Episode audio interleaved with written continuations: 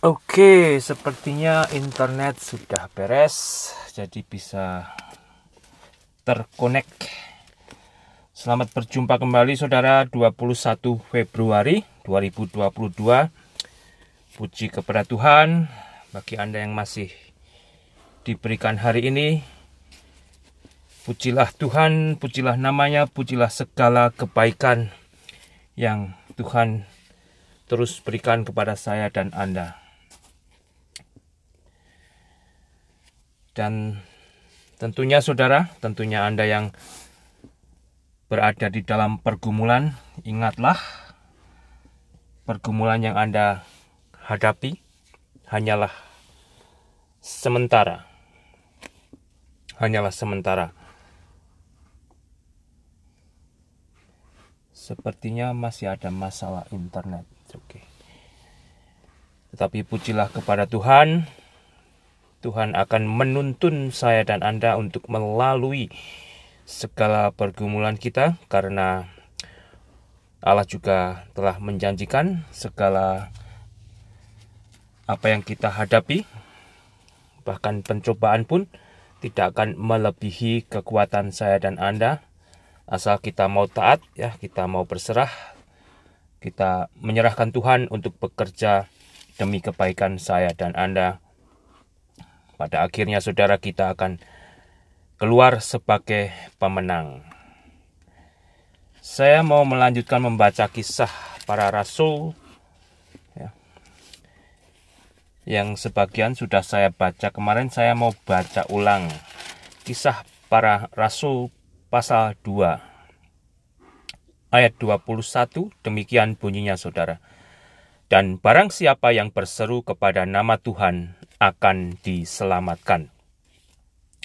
Hai orang-orang Israel, dengarlah perkataan ini.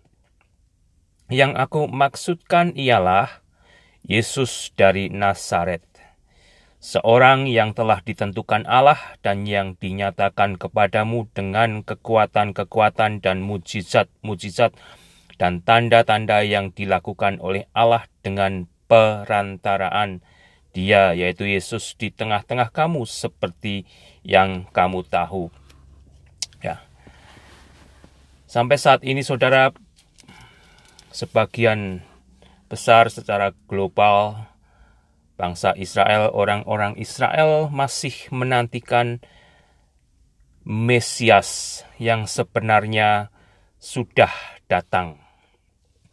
Sudah digenapi Allah di dalam diri Yesus Kristus yang telah turun dari sorga ke dunia. Yang mereka nantikan sebetulnya adalah yang mereka pikirkan kalau Mesias datang, segala sesuatunya akan segera dibereskan. Mesias akan datang dengan segala kekuasaannya. Dan mereka luput melihat jikalau kedatangan Mesias yang pertama adalah sebagai hamba yang melayani manusia, mati bagi dosa manusia, barulah nanti kedatangan Mesias yang kedua kalinya dia akan datang dengan segala keperkasaannya. Dan di situlah saudara kalau Anda membaca Alkitab akan terjadi pertobatan global dari orang-orang Israel. Dan kalau Anda perhatikan sampai saat ini, masih banyak sekali orang-orang Israel sendiri, orang-orang Yahudi yang belum mau percaya jikalau Yesus adalah Mesias. Meskipun segala tanda dan mujizat lebih dari cukup sudah diberikan kepada mereka ya. Bagaimana dengan Anda dan saya ya yang bukan menjadi bagian daripada orang Yahudi bangsa Israel ini juga telah diberikan kepada saya dan Anda dan kita juga sudah bisa diperlihatkan bahwa sebenarnya Yesus inilah yang telah dijanjikan Allah untuk menjadi Mesias atau juru selamat yang menyelamatkan manusia dari dosanya.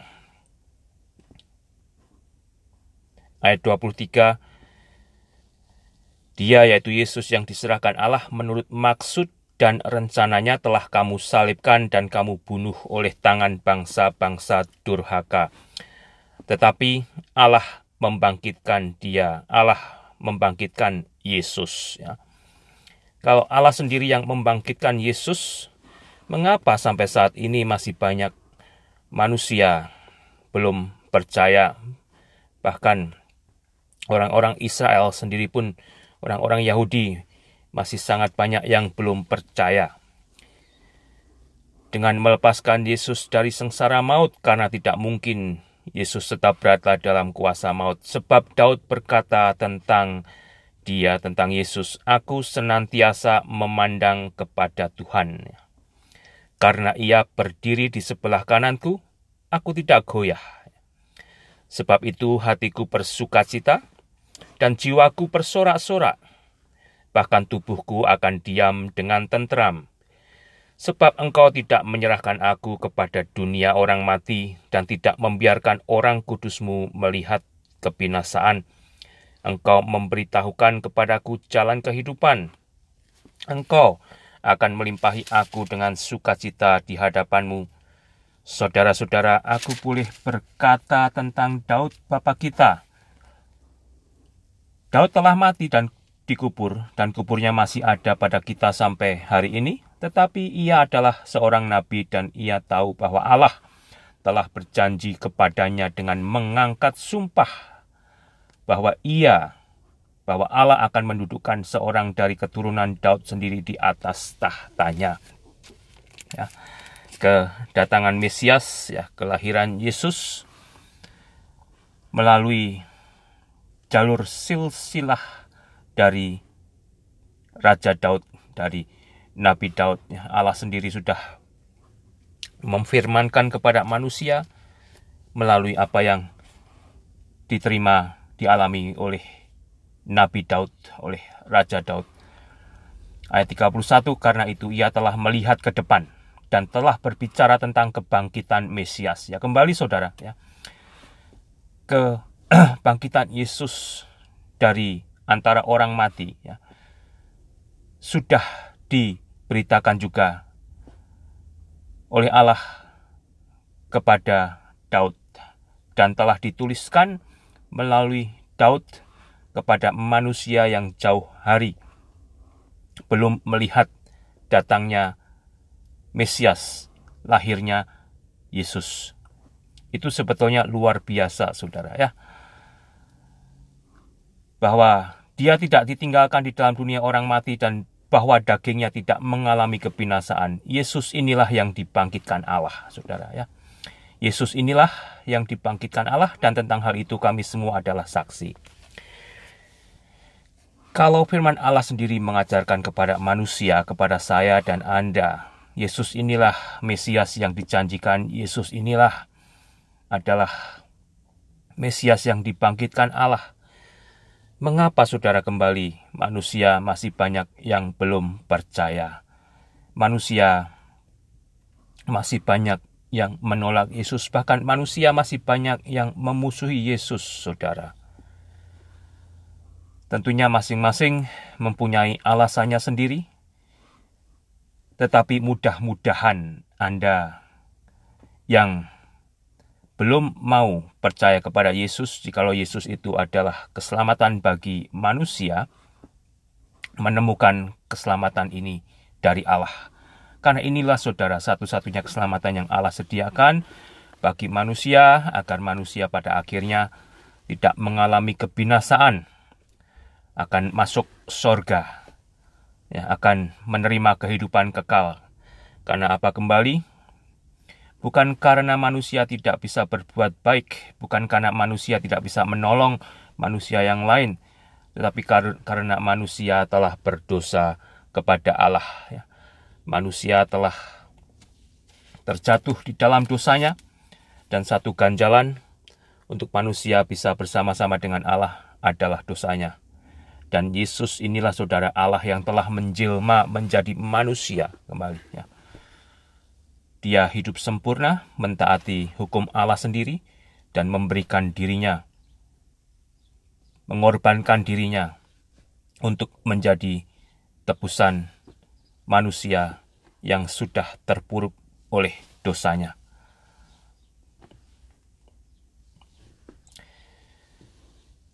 Ayat 34, sebab bukan Daud yang naik ke surga, malahan Daud sendiri berkata, Tuhan telah berfirman kepadaku, Tuanku, duduklah di sebelah kananku, sampai ku buat musuh-musuhmu menjadi tumpuan kakimu. Jadi seluruh kaum Israel harus tahu dengan pasti bahwa Allah telah membuat Yesus yang kamu salibkan menjadi Tuhan dan Kristus. Menjadi Tuhan dan Mesias, menjadi Tuhan dan Juru Selamat. Ya. Sama saudara, bukan hanya kepada bangsa Israel saja, tetapi sebetulnya bangsa Israel mendapat kekukus, kekukus, kekhususan ya. Yesus sendiri lahir datang dari sorga ke dunia melalui mereka, tetapi mata rohani mereka buta, ya. tidak bisa melihat apa yang Allah sudah berikan kepada mereka. Dan kita pun saudara yang bukan dari bangsa Israel bisa menjadi tercelik matanya. Nah, kalau kita mau menerima berita Allah yang begitu indah ini, begitu luar biasa, yaitu yaitu kasih Allah terhadap manusia yang telah memberikan anak tunggalnya Yesus Kristus untuk mati bagi dosa manusia sehingga setiap orang, setiap orang saudara tidak peduli yang mau percaya kepada Yesus. Jikalau Yesus adalah satu-satunya keselamatan manusia, menerima Yesus sebagai Tuhan, menerima Yesus sebagai Mesias, sebagai Kristus, dia akan diselamatkan, termasuk Anda yang belum mau percaya saat ini. Ketika mereka mendengar hal itu, hati mereka sangat terharu. Ya. Lalu mereka bertanya kepada Petrus dan rasul-rasul lain, apakah yang harus kami perbuat saudara-saudara? Ya. Ternyata puji Tuhan saat itu ada yang tercelik mata rohaninya dan mereka menyadari ya, kesalahan mereka. Jawab Petrus kepada mereka, bertobatlah dan hendaklah kamu masing-masing memberi dirimu dibaptis dalam nama Yesus Kristus untuk pengampunan dosamu, maka kamu akan menerima karunia roh kudus. Jadi jawaban Petrus kepada mereka yang bertanya, apakah yang harus kami perbuat? Ya. Kalau ternyata Kristus, kalau ternyata Yesus yang telah mereka fitnah, aniaya, musuhi, bahkan bunuh itu adalah Mesias yang dijanjikan Allah, ya bertobat. Ya, ya bertobat. Ya. Mereka yang telah membunuh Yesus masih bisa terampuni oleh Yesus sendiri. Itu luar biasa saudara ya. Mereka yang telah menganiaya Yesus, mereka ditunggu oleh Yesus untuk menerima pengampunannya itu luar biasa saudara ya. Dan kita pun saudara yang telah terjebak di dalam dosa kita, sebesar apa itu dosa kita, seberat apa itu dosa kita, tidak ada yang mustahil untuk tidak diampuni Allah untuk tidak dihapuskan dosa kita oleh Allah melalui darah anak domba Allah sendiri, Yesus Kristus, anak darah, anak darah anak domba Allah yang sempurna. Kalau mau saudara ya, jawaban yang diberikan kepada Anda setelah Anda pernah mendengar tentang Yesus. Ya. Mau aku apakan dong kalau begitu ya? Yesus ini ya bertobatlah. Percayalah kepada Allah, percayalah kepada Yesus, agar Anda menerima anugerah yang terbesar dari Allah, yaitu kehidupan kekal, yaitu keselamatan. Ya. Bertobatlah dan hendaklah kamu masing-masing memberimu diri, diri dibaptis. Keselamatan mendahului baptisan, bukan dibaptis dulu baru ya. selamat, tetapi selamat dulu baru dibaptis dan Yesus adalah yang memberikan keselamatan. Di dalam baptisan Yesus Kristus, manusia menyalibkan dosanya, manusia disalibkan dosanya terhadap apa yang telah dilakukan oleh Yesus, dan di dalam kuasa Roh Kudus kita dibangkitkan oleh Allah Bapa di dalam kehidupan baru kita bersama-sama dengan apa yang sudah diberikan Allah melalui Yesus Kristus. Itu luar biasa sekali saudara ya. Dan kalau Anda dan saya sudah menerima satu kehidupan baru, kita sudah dibangkitkan dari kematian kita atas dosa-dosa kita, hidup saya dan Anda kembali bukan lagi milik kita. Ya. Tambah hari, kita tambah bertumbuh cinta kasih kita kepada Tuhan Yesus, tambah hari kita tambah dirubahnya. Itu adalah salah satu tanda yang menjadi progres kalau saya dan Anda bertumbuh di dalam keselamatan. Dan kita senantiasa merindukan perjumpaan saya dan Anda, pertemuan saya dan Anda untuk bertemu dengan Tuhan dan Juru Selamat yang mengasihi kita, Yesus Kristus.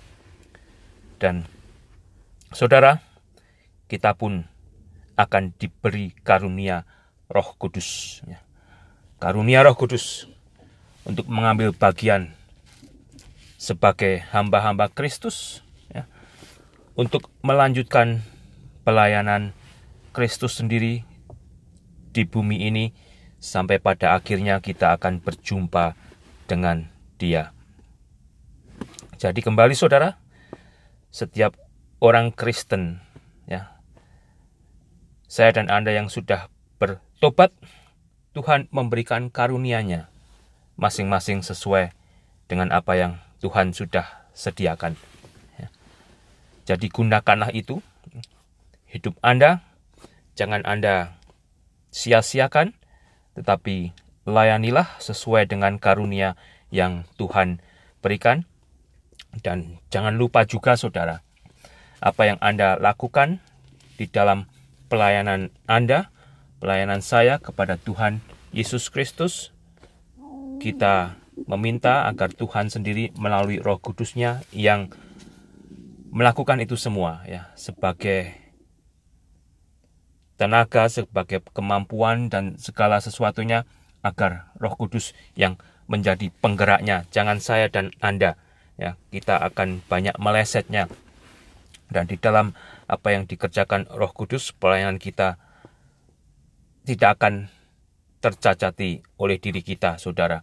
Ya, karena kembali diri kita banyak kelemahan, diri kita banyak agenda di luar daripada agenda Roh Kudus. Jadi berhati-hatilah ya, agar apa yang kita lakukan mengatasnamakan pelayanan Kristen juga bercirikan pekerjaan Roh Kudus. Ya. Bukan bercirikan pekerjaan manusia yang penuh dengan kelemahan, tetapi manusia yang lemah bisa dibuatnya luar biasa karena Tuhan yang bekerja. Ayat 39, sebab bagi kamulah janji itu dan bagi anak-anakmu dan bagi orang yang masih jauh, yaitu sebanyak yang akan dipanggil oleh Tuhan Allah kita. Pekerjaan itu belum selesai, saudara, dan kita melanjutkan ya apa yang sudah dikerjakan Kristus sampai kembali. Kristus kembali datang untuk kedua kalinya yang mana terlebih dahulu akan menjemput jemaatnya. Dan dengan banyak perkataan lain lagi, ia memberi suatu kesaksian yang sungguh-sungguh dan ia mengecam dan menasihati mereka katanya berilah dirimu diselamatkan dari angkatan yang jahat ini. Angkatan yang tidak mau didamaikan oleh Allah ya. Angkatan yang terus memusuhi Kristus, angkatan yang hidup di dalam gelapnya dunia ini. Orang-orang yang menerima perkataannya itu, orang-orang yang percaya, ya, setelah dijelaskan tentang Yesus, ia memberi diri dibaptis dan pada hari itu jumlah mereka bertambah kira-kira 3.000 jiwa. Dari 120 menjadi berapa saudara kalau bertambah 3.000 jiwa ya? sekitar 4.200. Mereka bertekun dalam pengajaran rasul-rasul dan dalam persekutuan, dan mereka selalu berkumpul untuk memecahkan roti dan berdoa. Maka ketakutanlah mereka semua, sedang rasul-rasul itu mengadakan banyak mujizat dan tanda, dan semua orang yang telah menjadi percaya bersatu dan segala kepunyaan mereka adalah kepunyaan bersama, dan selalu ada dari mereka yang menjual harta miliknya lalu membagi-bagikannya kepada semua orang sesuai dengan keperluan masing-masing, dengan bertekun dan dengan sehati mereka berkumpul tiap-tiap hari. Dalam bait Allah mereka memecahkan roti di rumah masing-masing secara bergilir dan makan bersama-sama dengan gembira dan dengan tulus hati. Ya sambil memuji Allah. Dan mereka disukai semua orang, dan tiap-tiap hari Tuhan menambah jumlah mereka dengan orang yang diselamatkan. Saudara, itulah kehidupan jemaat Kristen, jemaat Tuhan pada awalnya. Ya, penuh dengan kesederhanaan, penuh dengan ketulusan, ya, penuh dengan pertobatan. Apakah Anda membuat manusia lain tertarik? Untuk mereka yang belum percaya kepada Yesus, mau datang kepada Yesus. Apakah saya dan Anda terbuka menjadi instrumen, menjadi alat-alat yang mana manusia bisa melihat Injil Allah, saudara ya. Banyak manusia yang mungkin belum pernah mendengar tentang Injil Allah. Tetapi melalui kehidupan saya dan Anda yang sudah menerima Injil, biarlah mereka melihat Injil itu, Injil yang hidup. Ya. Dengan kehidupan, tentunya bukan kehidupan yang sempurna, tetapi kehidupan yang disempurnakan oleh pekerjaan Roh Kudus. Dan dari situ, saudara, saya percaya manusia lain akan ada yang tertarik. Dan mudah-mudahan melalui hidup saya dan hidup Anda, manusia lain juga boleh menerima Injil keselamatan Allah di dalam Yesus Kristus. Ya. Dan kehidupan saya dan kehidupan Anda saat ini sebetulnya simple, saudara ya. Yang sudah jadi Kristen itu simple sekali. Kita hanya menunggu